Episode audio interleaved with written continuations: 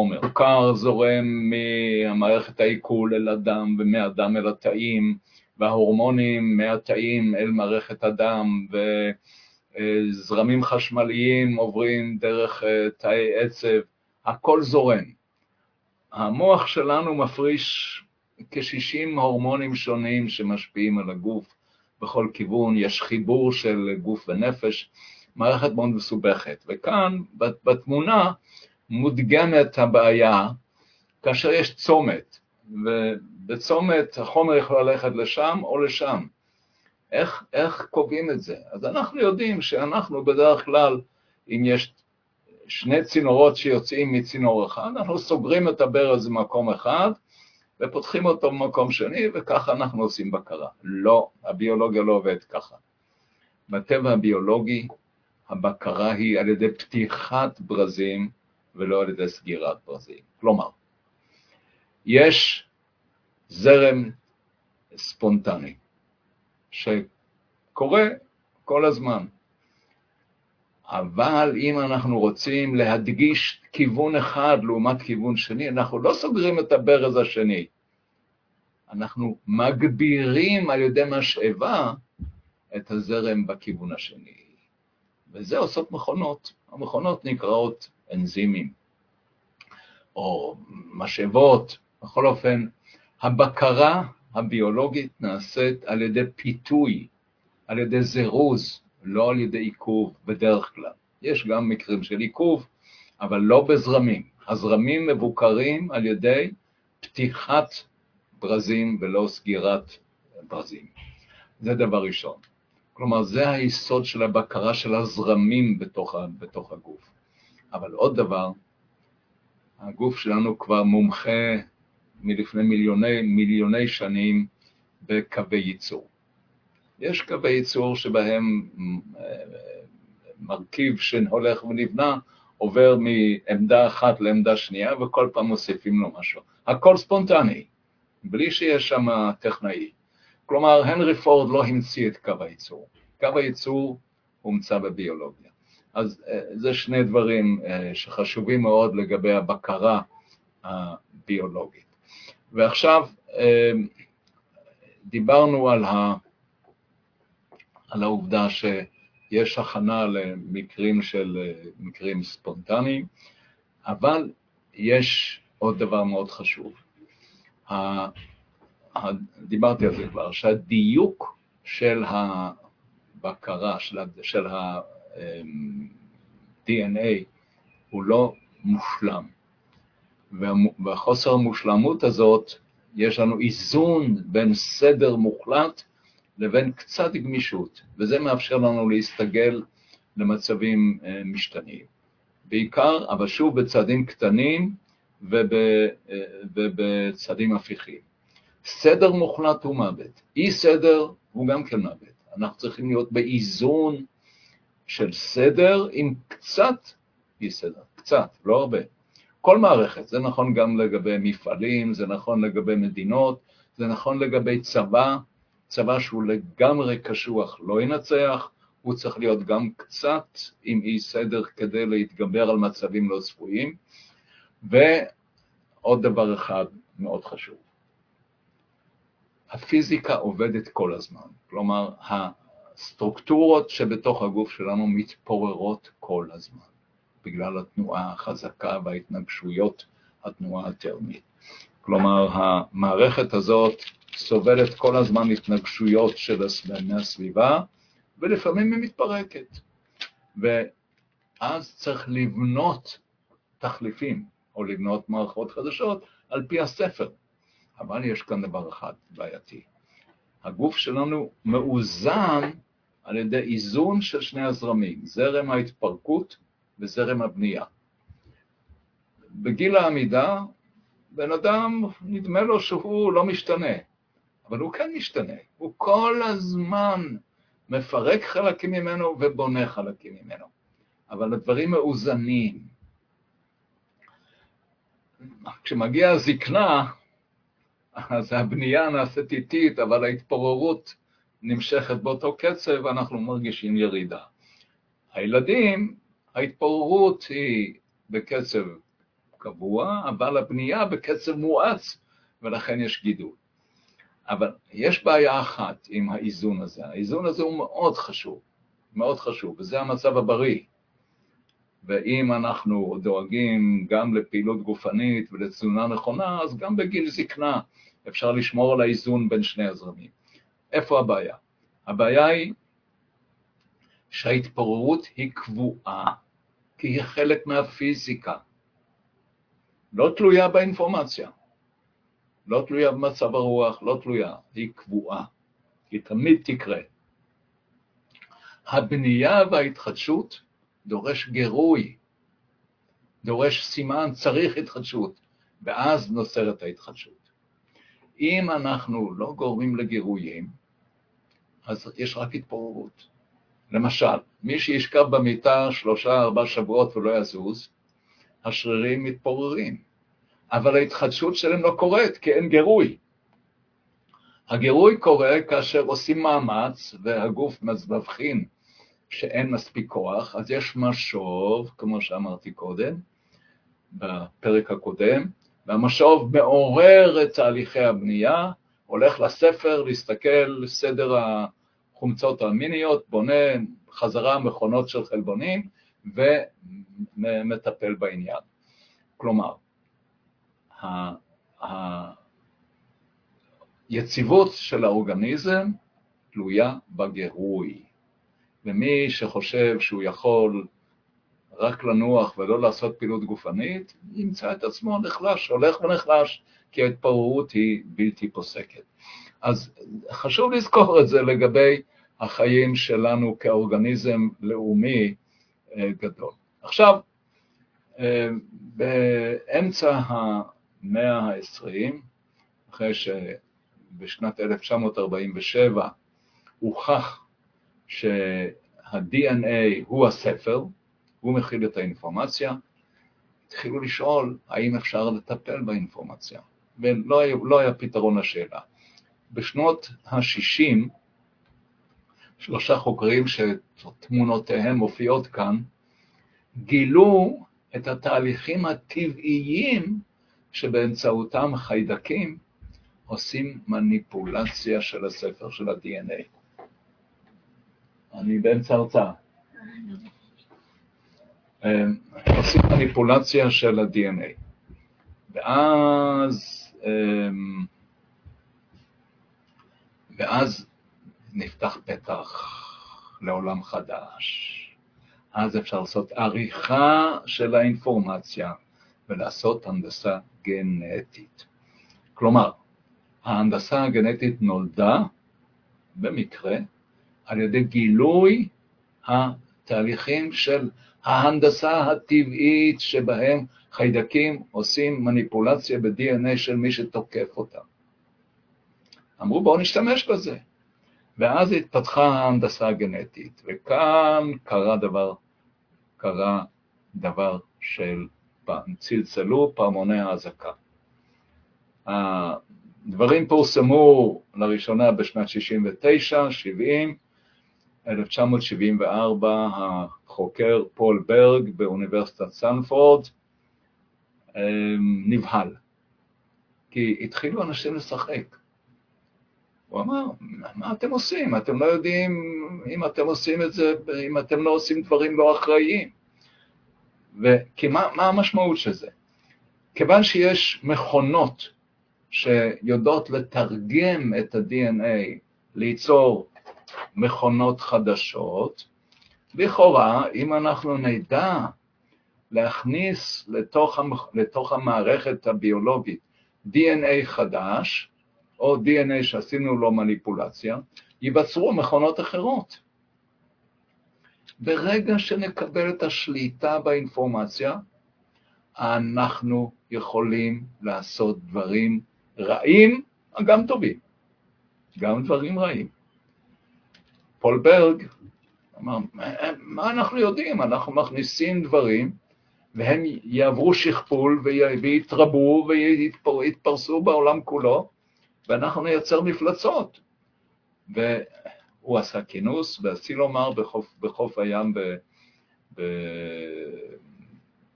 ליד סנטה קרוז, והחליטו לעשות מורטוריום, לעצור את המחקר, וקודם כל לחשוב איך נבטיח שלא נייצר מפלצות.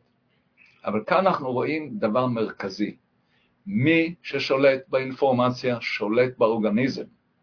מי ששולט באינפורמציה שלנו יכול לשלוט בחברה. המוקד הוא בזה שכל דבר שתלוי באינפורמציה, שליטה באינפורמציה מאפשרת שליטה. ולמרות המורטוריום שהוכרז בארצות הברית, אני הייתי כבר בטוח מיד באותה תקופה שבסין וברוסיה כבר משתמשים בייצור נשק ביולוגי. כי אפשר ליצור דברים נוראים, נוראים, שאין להם פתרון פשוט אה, בהגנה. והמכון הביולוגי בנס ציונה עובד על הדברים ההגנתיים האלה אה, מאז, מאז אותה תקופה.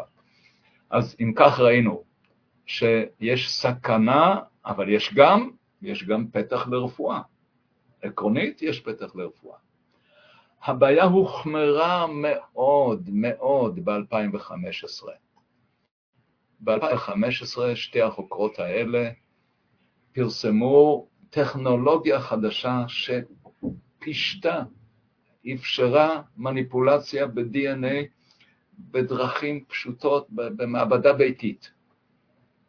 כאן כבר נעשה סכנה אתית נוראית. הם בכל זאת קיבלו פרס נובל. אבל, אבל נכון שיש כאן פוטנציאל ל, לרפואה גנטית, פוטנציאל עצום, אבל גם פוטנציאל לדברים מסמרי שיער, נוראים. וכאן אנחנו מגיעים לבעיה. הבעיה הגדולה, האם האנושות מוכנה לקבל על עצמה מגבלות אתיות ולא לתת למחקר להתקדם באופן חופשי, ולא לתת לכל אחד את היכולות האלה. אבל זה, הדברים פורסמו, כך שהיום אנשים יכולים לעשות דברים נוראיים בהנדסה גנטית. אנחנו רואים שוב ששליטה אה, בטכנולוגיה של האינפורמציה, שליטה באינפורמציה, היא דבר שיכול לעשות דברים טובים מאוד ודברים רעים מאוד. הנדסת התודעה היא דבר מסוכן, כמו שהנדסה גנטית יכולה להיות דבר מסוכן. ואז אמ, אה, החלוצים בעצם שעסקו בדבר הזה היו החוקרים האלה, שגילו ראשונים את, ה, את האפשרות לעשות מניפולציה של ה-DNA, וזה היה כבר בשנות ה-80, אבל אחרי זה זה התפתח, וב-2015 הייתה לכאורה פריצת דרך, אבל סכנה אדירה. השליטה באינפורמציה מסוכנת.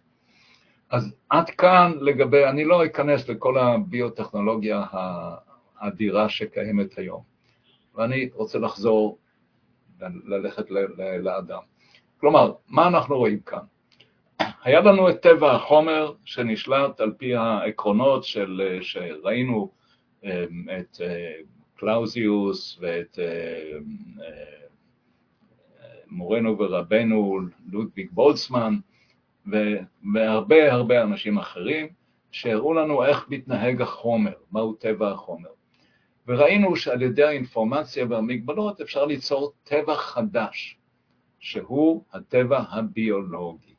ואנחנו כבר יודעים את חוקי ההתנהגות שלו, יודעים אפילו לשלוט באינפורמציה כדי, כדי לקלקל אותו, או, או לתקן אותו, שני הדברים.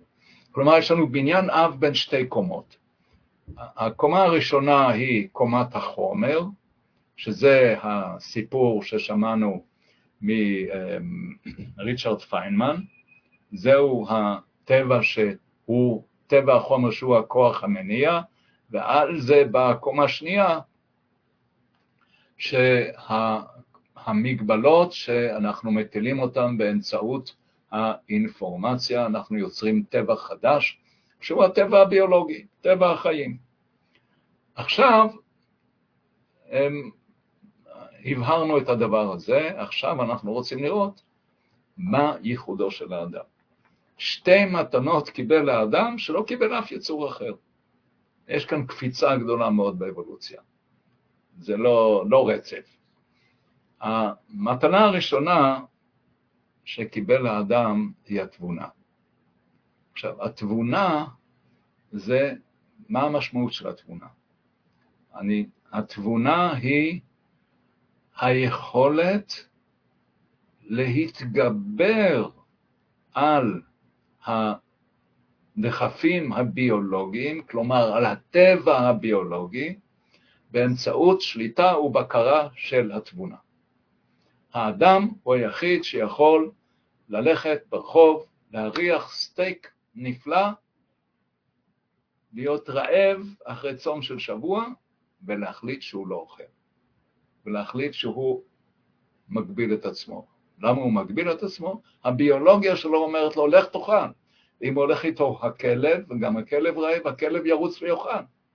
בלי מעצורים. האדם יעצור, ישאל האם, ה... האם החומר הזה שאני רוצה לאכול הוא אה, לא גניבה, המוכר לא גנב את זה, או האם זה כשר, אה, האם זה לא שייך למישהו אחר. כלומר, האדם יש לו יכולת לא להגיב בצורה טבעית על הגירויים שהוא מקבל מהסביבה. במילים אחרות, יש לאדם יכולת להתגבר על הטבע.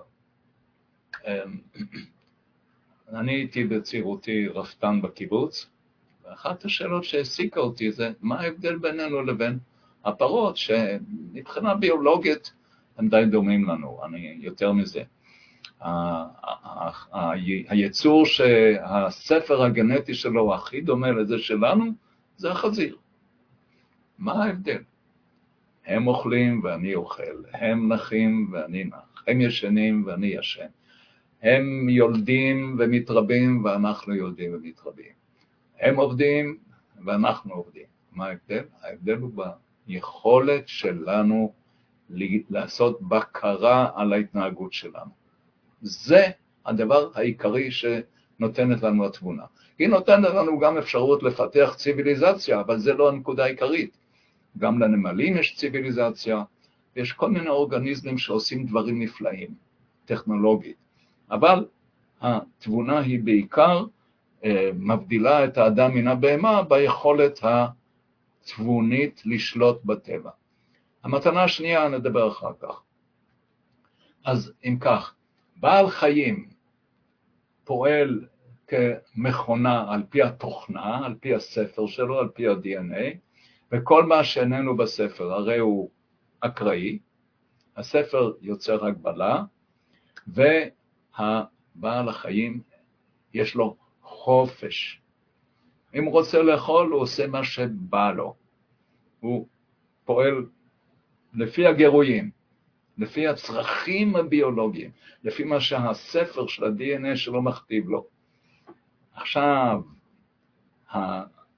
האם יש לו חירות? לא.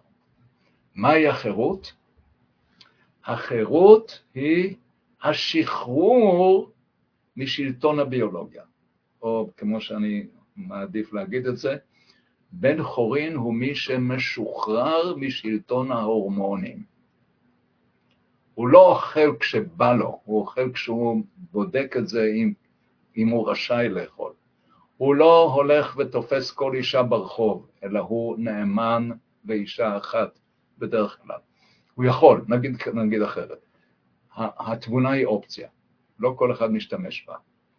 ההבדל בין האדם לבין הכלב, הכלב עושה מה שבא לו, האדם עושה, האדם יכול לעשות לא רק מה שבא לו, אלא הוא יכול לבטל את מה שבא לו ולעשות את מה שהוא רוצה לעשות. כלומר, לאורגניזם אין חירות, יש חופש.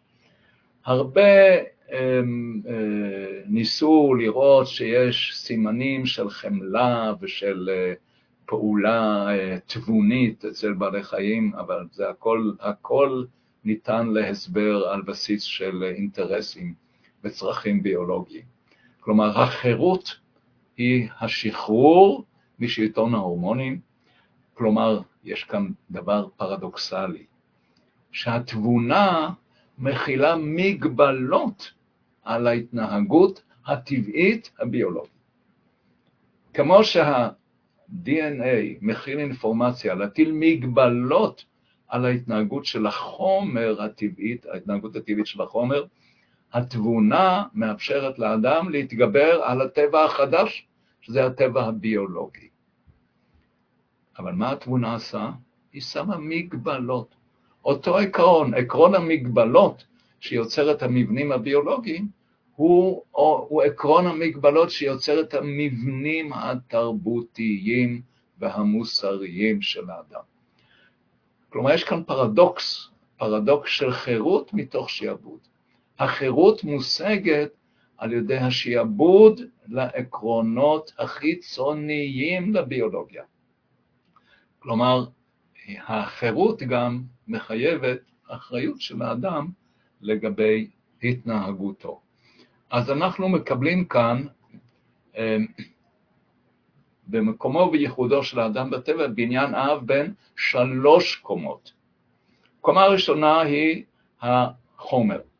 החומר הוא חלקיקים שיש בהם תנועה אקראית, כמו שראינו שהפיזיקאים של המאה ה-19 ברוב גאוניותם הצליחו לפענח. זהו טבע החומר. טבע החומר הוא התנועה האקראית של החלקיקים. על זה בא אה, מגבלות שכתובות בתוך ה-DNA, כלומר מגבלות מוכתבות, ואנחנו מקבלים את טבע החיים. כלומר, שילוב של טבע החומר עם ספר הגנום יוצר את טבע החיים. מגבלות על החומר יוצרות טבע חדש שהוא, מגבל, שהוא טבע החיים.